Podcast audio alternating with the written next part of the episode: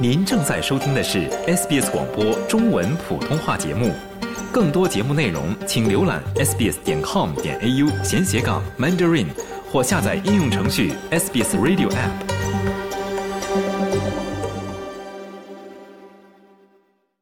从法律角度看待社会现象，以专家意见指点生活迷津。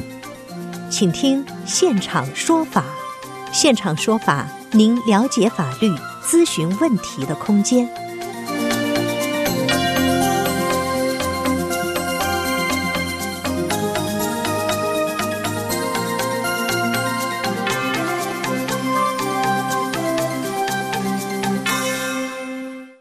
听众朋友您好，欢迎您继续收听 SBS 广播中文普通话为您带来的现场说法听众热线节目。今天的节目，我们邀请木道城律师事务所首席律师郑伟俊，从案例出发，和我们一起来聊一聊，在后院儿哈临时居住乃至在这个房车里面居住合规性的话题。欢迎听众朋友拨打热线电话一三零零七九九三二三一三零零七九九三二三，参与节目咨询法律和移民签证问题。呃，在节目连这连线本期节目嘉宾之前哈，温馨提醒您哈，因为我们的热线系统。热线这个系统的话题问题哈，就是电话系统的问题。您拨拨打电话的之过程中话，可能会突然中断，这不是我们有意为之哈。您可以再次拨打，然后我们尝试和您连通。问题应该不大哈，应该是可以接通的，就是需要您稍微多一点耐心。首先来连线本期节目嘉宾郑律师，郑律师您早。喂，你好，非常谢谢郑律师做客我们的节目哈。今天连线您的时候，也是由于系统问题哈，没有办法 跟您现场来直接的这个呃对话。不过呢，接通之后，您可以跟我直接对话哈，这一点还是可以的。嗯，这里是我们看到哈，在维州的 Bendigo 哈，对华人社区来说也应该是比较熟悉的一个社区。他的一位居民呢，因允容许一对老年夫妇呢，在他的后院露天露营引发争议哈。就说这对老年夫妇呢，曾经是在 Bendigo 居住的居民。之后呢，因为种种原因，把自己的房车呢，呃，就是放置于一位居民的后院并在那里居住。收到投诉之后呢，地方市政府表示呢，这种做法不合规，需要搬离。就说我特别想请教您的郑律师，如果是自己家的房车停在后院自己或自己的亲戚朋友在那居住的话，是否合适，或者是否或许呢？每每一个市政府针对这个事情的话，都会有自己不一样的一些规则。嗯，啊，总括来说的话，如果你这个房车是停留在自己的后院居住的超过三十天的时间的话，那这个是需要向市政府那边申请许可的。那如果是短期的话，啊，严格来讲是可以，可是也是要啊要符合某一些呃这规定才可以。比如说，呃，这毕竟这个，呃，这这个房车毕竟是一个居住的，这可以长处呃长期居住的地方，所以停的那个位置，啊，也是要遵守呃一些建筑上的一些规定，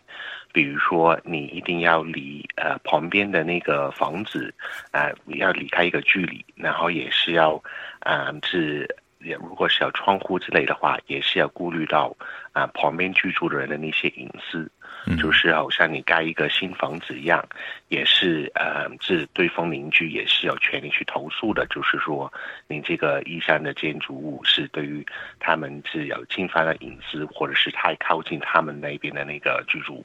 嗯，就是给我感觉哈，就是说我自己的后院哈，自己的地盘我又没建新新的设施，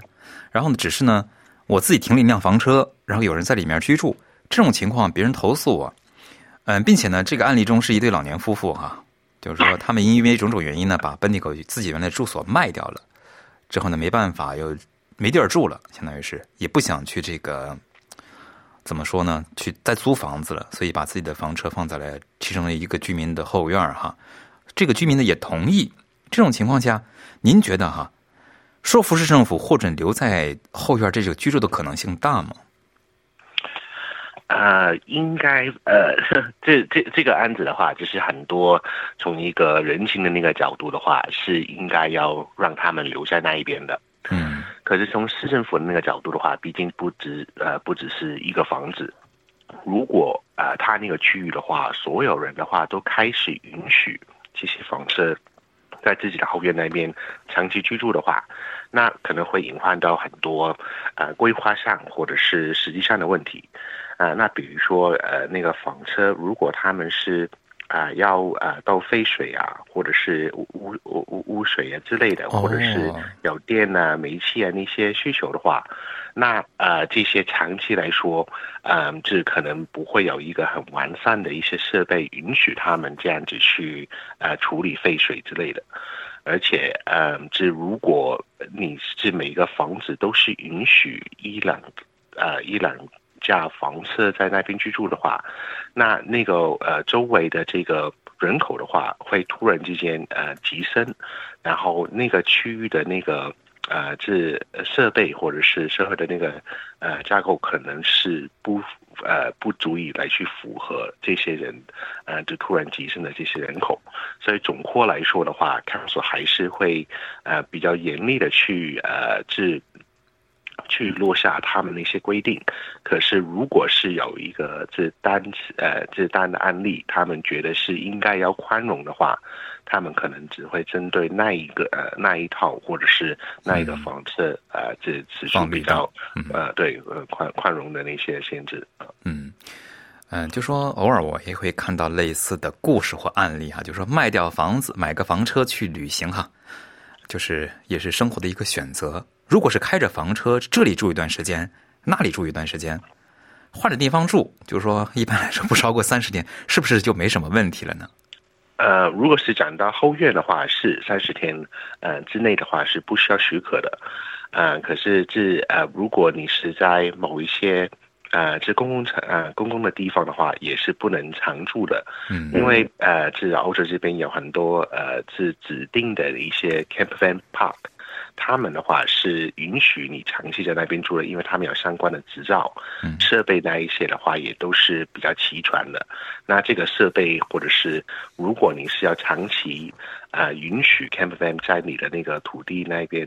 嗯去居住的话，那 council 就会规定会然后检查，就是说你那边的设备足不足以去做这个用途。嗯，就是在澳大利亚，是不是说只要条件允许哈？就是说，开着房车就可以在任何这个允许房车停留或者居住的地方，去长期的把这个房车停下去，只要是允许就可以，是吧？对，那个地方如果是呃，是你向市当地的市政府申请了的话，嗯，他们就会给你一个一个许可，来去允许这些房车在那边长期停留。就是换一个角度看啊，如果我是业主，我有房子啊，后院也足够大。然后我自己搭了一个临时的，怎么说呢？不需要建设的哈，就是自己拿临时搭一个帐篷，或者自己把自己的房车放在后院里面。嗯，就说这种情况偶尔有人住，需要经过地地方市政府批准吗？嗯，这个可以说是一个呃 灰色地带了，因为它是有注明说是呃是如果你是那个房车是使用在一个呃居住的地方。所以，如果你自己本身有一台房车，可是你没有在里面居住，你只是停在后院的话，它这个房车的话就会被看为呃，这普通的一台摩托车而已，一一一台车而已，对，呃，而不是居住的地方。可是，一旦是开始呃使用的这个呃有改变的话，那它就会把它看为一个呃居住的地方，就会有这些规定。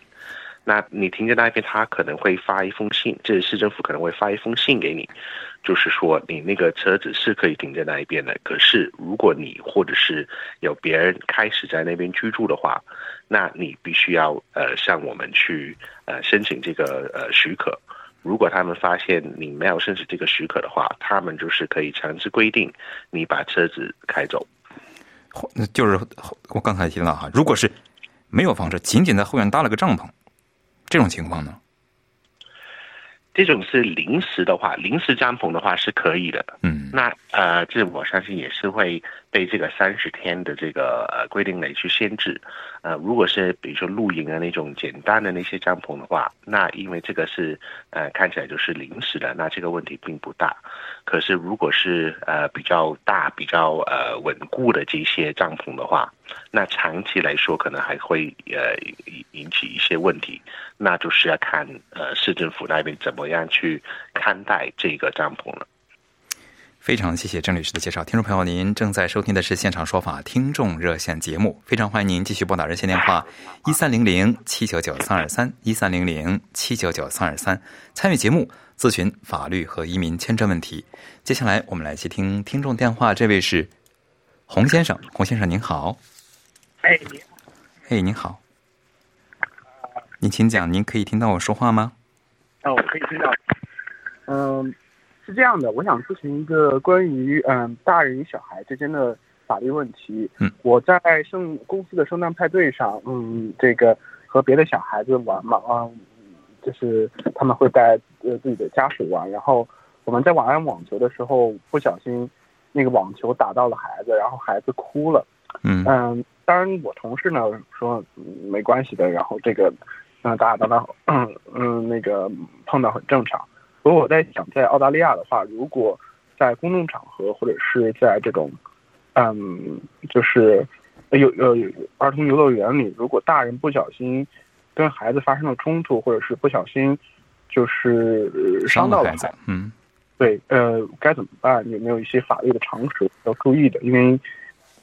嗯，对我我其实对这块并不是很了解，想所以想咨询一下，嗯，或者说。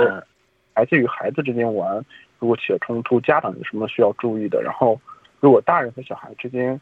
发生了这个不小心的伤害，嗯，那大人需要做哪些事情？嗯。大部分的那些公共场合的话，如果是有受伤或者是有呃经济损失的那个，呃呃那那些事情的话，那都会有这个第三保险来去，呃来可以来去 claim 的。就比如说呃，就算不是因为第三方引起的，你在某一个地方受伤了、滑倒了之类的话，也是有相关的这个保险是可以向他们呃得手赔偿的。那首先的话，如果是有人，不管是小孩还是大人，是受到伤害的话，就是要看说那那个伤害是不是他们进去，嗯，应该是可预料到的一个范围之内。比如说你去打球，或者是呃你去运动的那些地方，那肯定是会有人在跑啊跑来跑去，会有球，会有呃别的那些设备。呃，或者是会有一些碰撞，这些的话是在一个运动的一个环境或场所里面的话，是要呃在你进去之前的预料之中。所以你进去的话，除非是有人恶意去呃把，比如说打球呃把球丢到你的头上啊，或者是受到这些伤害的话，不然的话，第三方都。一般来说都不需要去负上这个责任的，那呃，只是说这场所那边可能会有保险来去呃保那些医疗费啊，或者是受伤的这些伤害之类的。呃，如果呃是你自己带自己的小孩进去某一些场所的话，很多那些游乐场啊，或者是运动地方也会提前让你去签一份声明，就是说你呃小孩子进去这个场所的话，呃可能会造成伤害，那呃你乐意的去呃让这承担这个风险，你也会呃看呃看管好你自己的小孩，所以这些呃这些文件的话。都是呃有这个法律的效力来去管制受伤的这一点的，呃，所以就好像你刚刚说的那个例子，你跟呃别的呃同事的小孩在打网球，然后球打到他了，或者是他呃跌倒了之类的话，因为他们就已经是同意的去打球，所以这些呃这受伤啊是在呃打球之前的预料范围以内，所以的话，这你一般来说是不需要负上这个责任的。呃，所以就是看场所，那要看呃，这双方进去是呃预料了做什么事情。那如果他们预料是没有预料到呃会去做一些比较危险的动作，或者是参与危险的一些活动的话，那这个可能就是要确保说呃父母亲有没有事事先同意。然后最好的话，这如果是做生意的话，最好是有一个书面上的一个同意书才去进行这些活动。嗯胡先生啊，如果是在街上，而不是比如说公司举办的 party，或者是一个体育场，那是不是同样的东西也适用呢？还是这个情况下没有第三方呢？呃，这个就是要看情况，比如说你在马路上，呃，你在呃，比如说你在呃马路上快进或跑步，然后不小心有撞到第三方或者是小孩的话，那这种的话，嗯，是可能就是呃需要赔偿那个医疗费啊之类的啊。可是你说是呃是比较呃比较重的那些处罚的话是没有。可是如果你是拿着一些危险的这些呃物品，嗯，在街上那边嗯跑，然后导致别人受的伤是过于他们你呃是会预料到的范围里面的。比如说你拿着一袋呃刀或者是一些危险的物品，然后只造成一个呃对方是伤害性的是比较大的，这种责任的话就是负的比较多。因为一个普通人在公共场所的话，不会觉得。他人在马路上会拿着一些危险物品来去那边跑动，或者是，呃，这如果你是拿着危险物品的话，在法律上你是有义务来去保护，呃，你呃自己个人财产跟你周回周回周围在呃自己用着同样公共区域的那些人。嗯，那如果呃这个孩子，我发现了这个孩子，但是我在他附近找不到他的监护人，该怎么办？然后那个那就是嗯，那就是要联系啊这个场所那边的那个所有者，或者是管呃管管理这个地方的人。可是如果是在公共地方的话，呃，那嗯有时候是比较比较困难的。那你有时候可以去联系当地的警察局来去至少报个案，或者是告诉他们那个情况。那如果小孩子之后呃自警方那边找到他的话，他至少有一个备案，就是呃你要主动去说当时发生了什么事情。嗯，好的，好的，胡先生，谢谢您咨询，供您参考哈。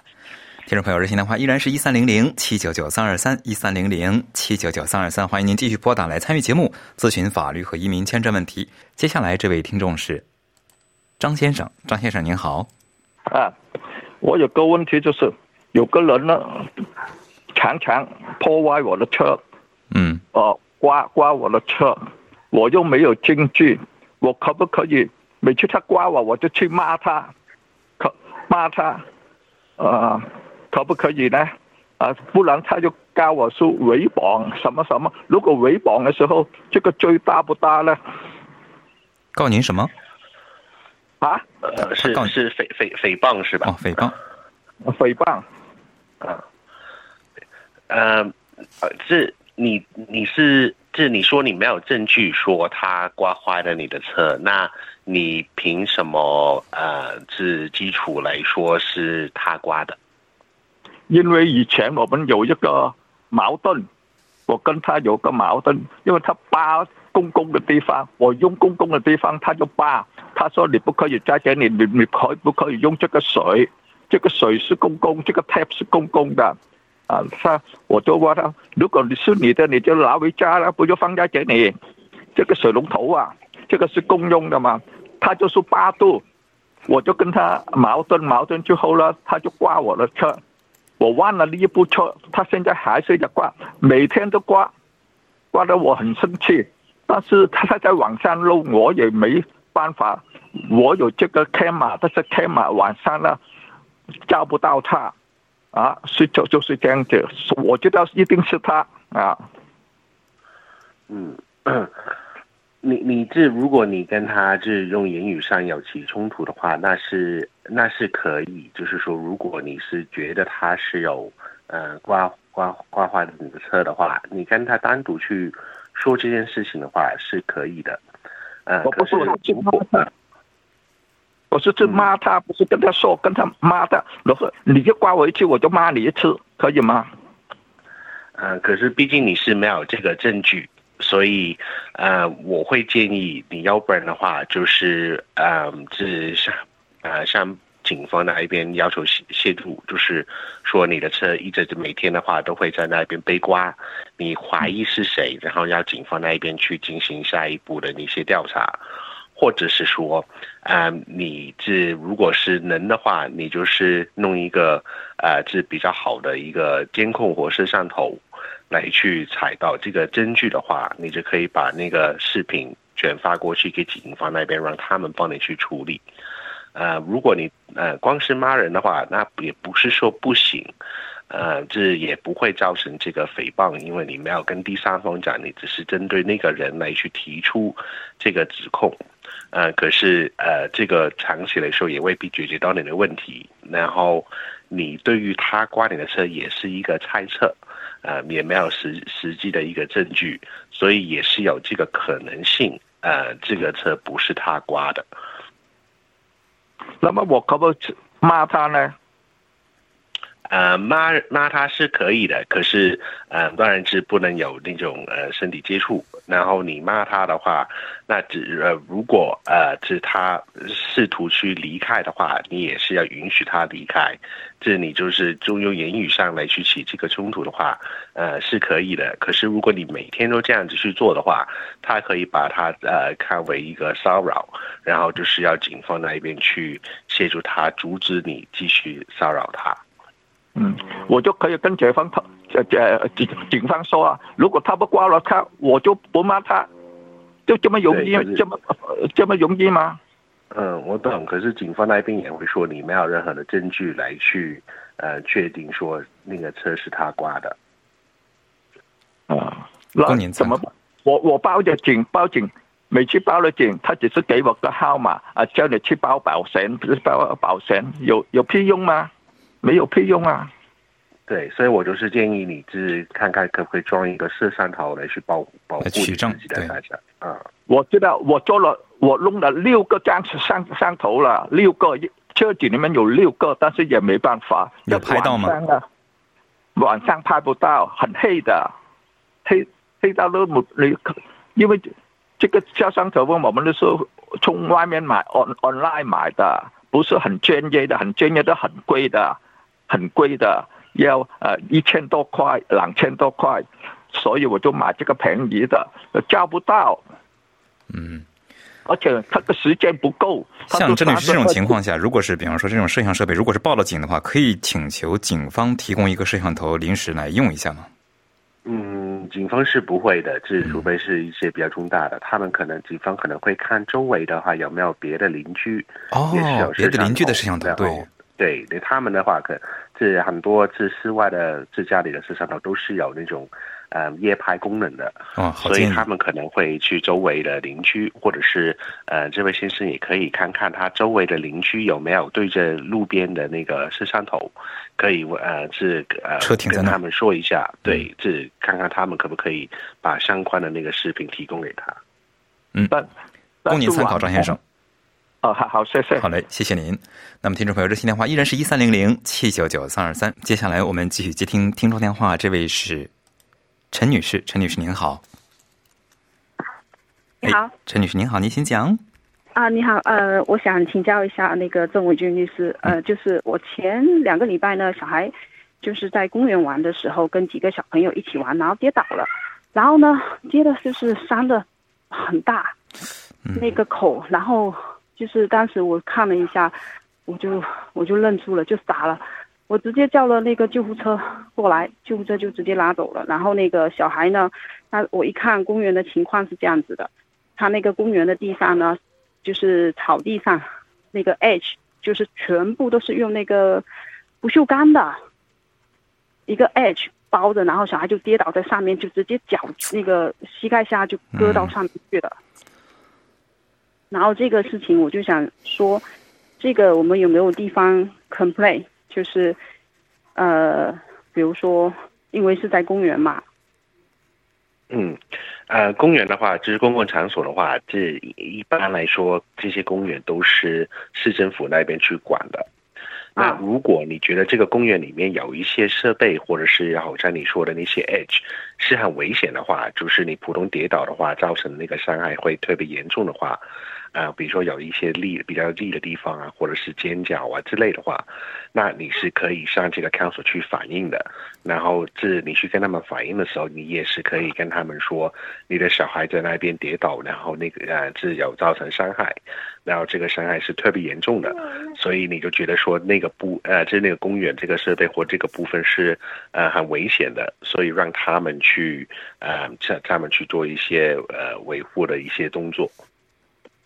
对呀、嗯，我因为我们那个救护车呢，他来看的时候就拍了照片，就是也他是先他先给我，因为我没办法拍照片，我当时就抱着我儿子，我没办法那个，然后他就看了一下，这个一整条过去草地上全部都是用这个不锈钢的这种这种贴在地上，如果你换成是其他东西或者甚至你可以不用。我都不知道为什么他要加上这个这个不锈钢的这一条。郑女士，像这种地方有，我记得是有个叫公共责任险是吗？对对对，呃，是政府那一边或者是是公园那一些的话，肯定是有这种保险的。呃，可这如果是有是什么医疗上的费用啊什么的话，是可以去呃 claim 这个保险。嗯、呃，可是这个也是呃阻止不到未来会同样的事情发生，所以我会呃一定要跟除了医疗上面的保险，医疗因为我们用的是那个私人保险，我不知道救护车他会不会叫我们那个是，因为我也没我们也没有收到账单什么的，我们当时就是用用的都是自己的那个。呃，private 的那个嗯，也就就对就救护车之后的话，还是会发一个账单给你的，所以这些费用的话，你可以向 council 那边去 claim，而且是跟他们反反呃，是反映一下，是他那边比较危险的那些地方，要求他们去修改。那如果他们是没有理你，或者是没有修改的话，那这 council 那边会有一个投诉的部门啊，或者是你也可以去呃找当地的议员来去协助。或者是如果呃你是在那边呃附近的学校那边，这小孩是在附近学校的话，也是可以是反映给学校，然后让学校嗯、呃、给那个 council 一些压力来去呃来去治理补这个地方。嗯，哦，OK，供您参考。那就是除了医疗上面的 claim 的话，其他就就没有办法，因为我们后期还买还要给他买药啊什么的。呃，这些药啊，这这呃，这止痛药啊，或者是呃这些这反正这这个伤害引起这些后续的一些费用的话，呃，都是可以呃让他们去赔偿的。嗯，哦，供您参考，陈女士，谢谢您，祝您顺利哈，注意安全。听众朋友，由于时间关系，今天节目要和您说再见了，非常感谢郑伟军律师对我们一如既往的支持。最后温馨提醒您哈，因个人情况因人而异，法律问题复杂，本节目仅供一般性参考，并无意提供任何个案法律建议。喜欢、分享、评论，欢迎您在 Facebook 上关注 SBS 普通话页面。